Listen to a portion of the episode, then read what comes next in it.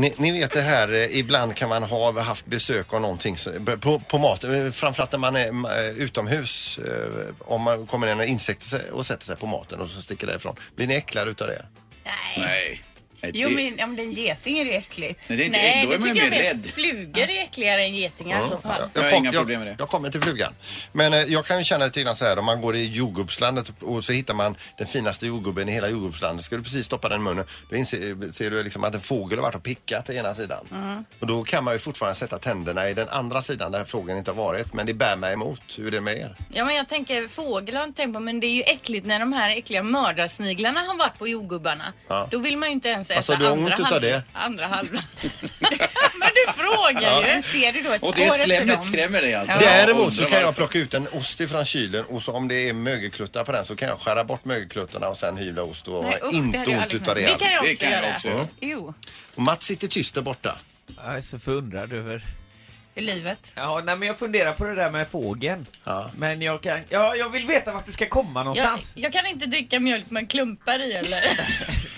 Nej, jag tycker det är äckligt när någon har spottat på grejer man ska Ja, ja, vi kommer till just det här med spotteriet eh, här nu. För att eh, nu handlar det om eh, flugor och eh, flugor på maten. Och artikeln går väl inte ut på något mer än att vi ska bli äcklade. Eh, och det handlar om flugan då som eh, när vi har mat ute, vi äter i trädgården eller på balkongen och så vidare. Så kommer en fluga sätta sig på maten och sen flyger den iväg och så tänker man vad, vad skönt att den är borta för den ska inte vara där när jag ska äta. Men då står det så här, du tänker kanske inte på var flugan har varit innan.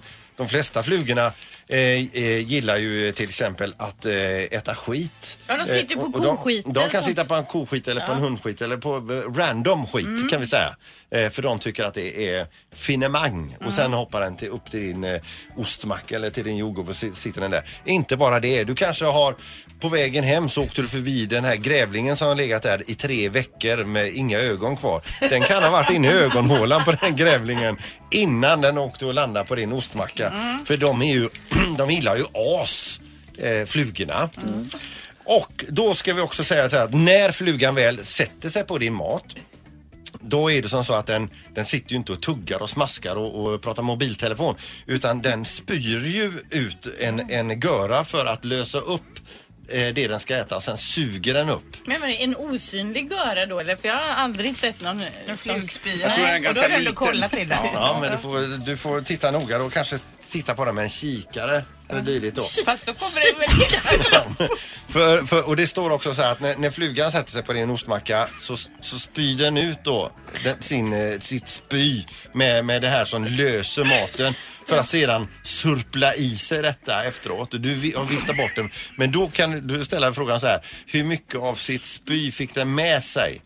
Upp igen. Ja. ja. Och hur mycket ligger kvar på din ostmacka? Där har ni. Det kan ni ta med er i helgen också. Men det är äckligt. Men kika mig Linda. Du måste kolla på jordgubben med kikare så man kan se. Du fokuserar eh, ofta på saker och ting som inte har med själva storyn att göra men Alltså jag ska säga, det här har jag talat om innan. Men en gång när jag var i Borås djurpark då var det en eh, apa där som spydde och tog upp sin egen. Det tycker jag är äckligt. Ja, det är svinäckligt. Usch. Gör ni så i Borås? Ja, uppenbarligen. Så har du en apa på din mat så ska du inte äta. Men om man har någon i sitt middagssällskap som äter upp sina spyor. Ett poddtips från Podplay. I fallen jag aldrig glömmer djupdyker Hasse Aro i arbetet bakom några av Sveriges mest uppseendeväckande brottsutredningar. Går vi in med hemlig telefonavlyssning och, och då upplever vi att vi får en total förändring av hans beteende. Vad är det som händer nu? Vem är det som läcker? Och så säger han att jag är kriminell, jag har varit kriminell i hela mitt liv men att mörda ett barn, där går min gräns. Nya säsongen av Fallen jag aldrig glömmer på Podplay.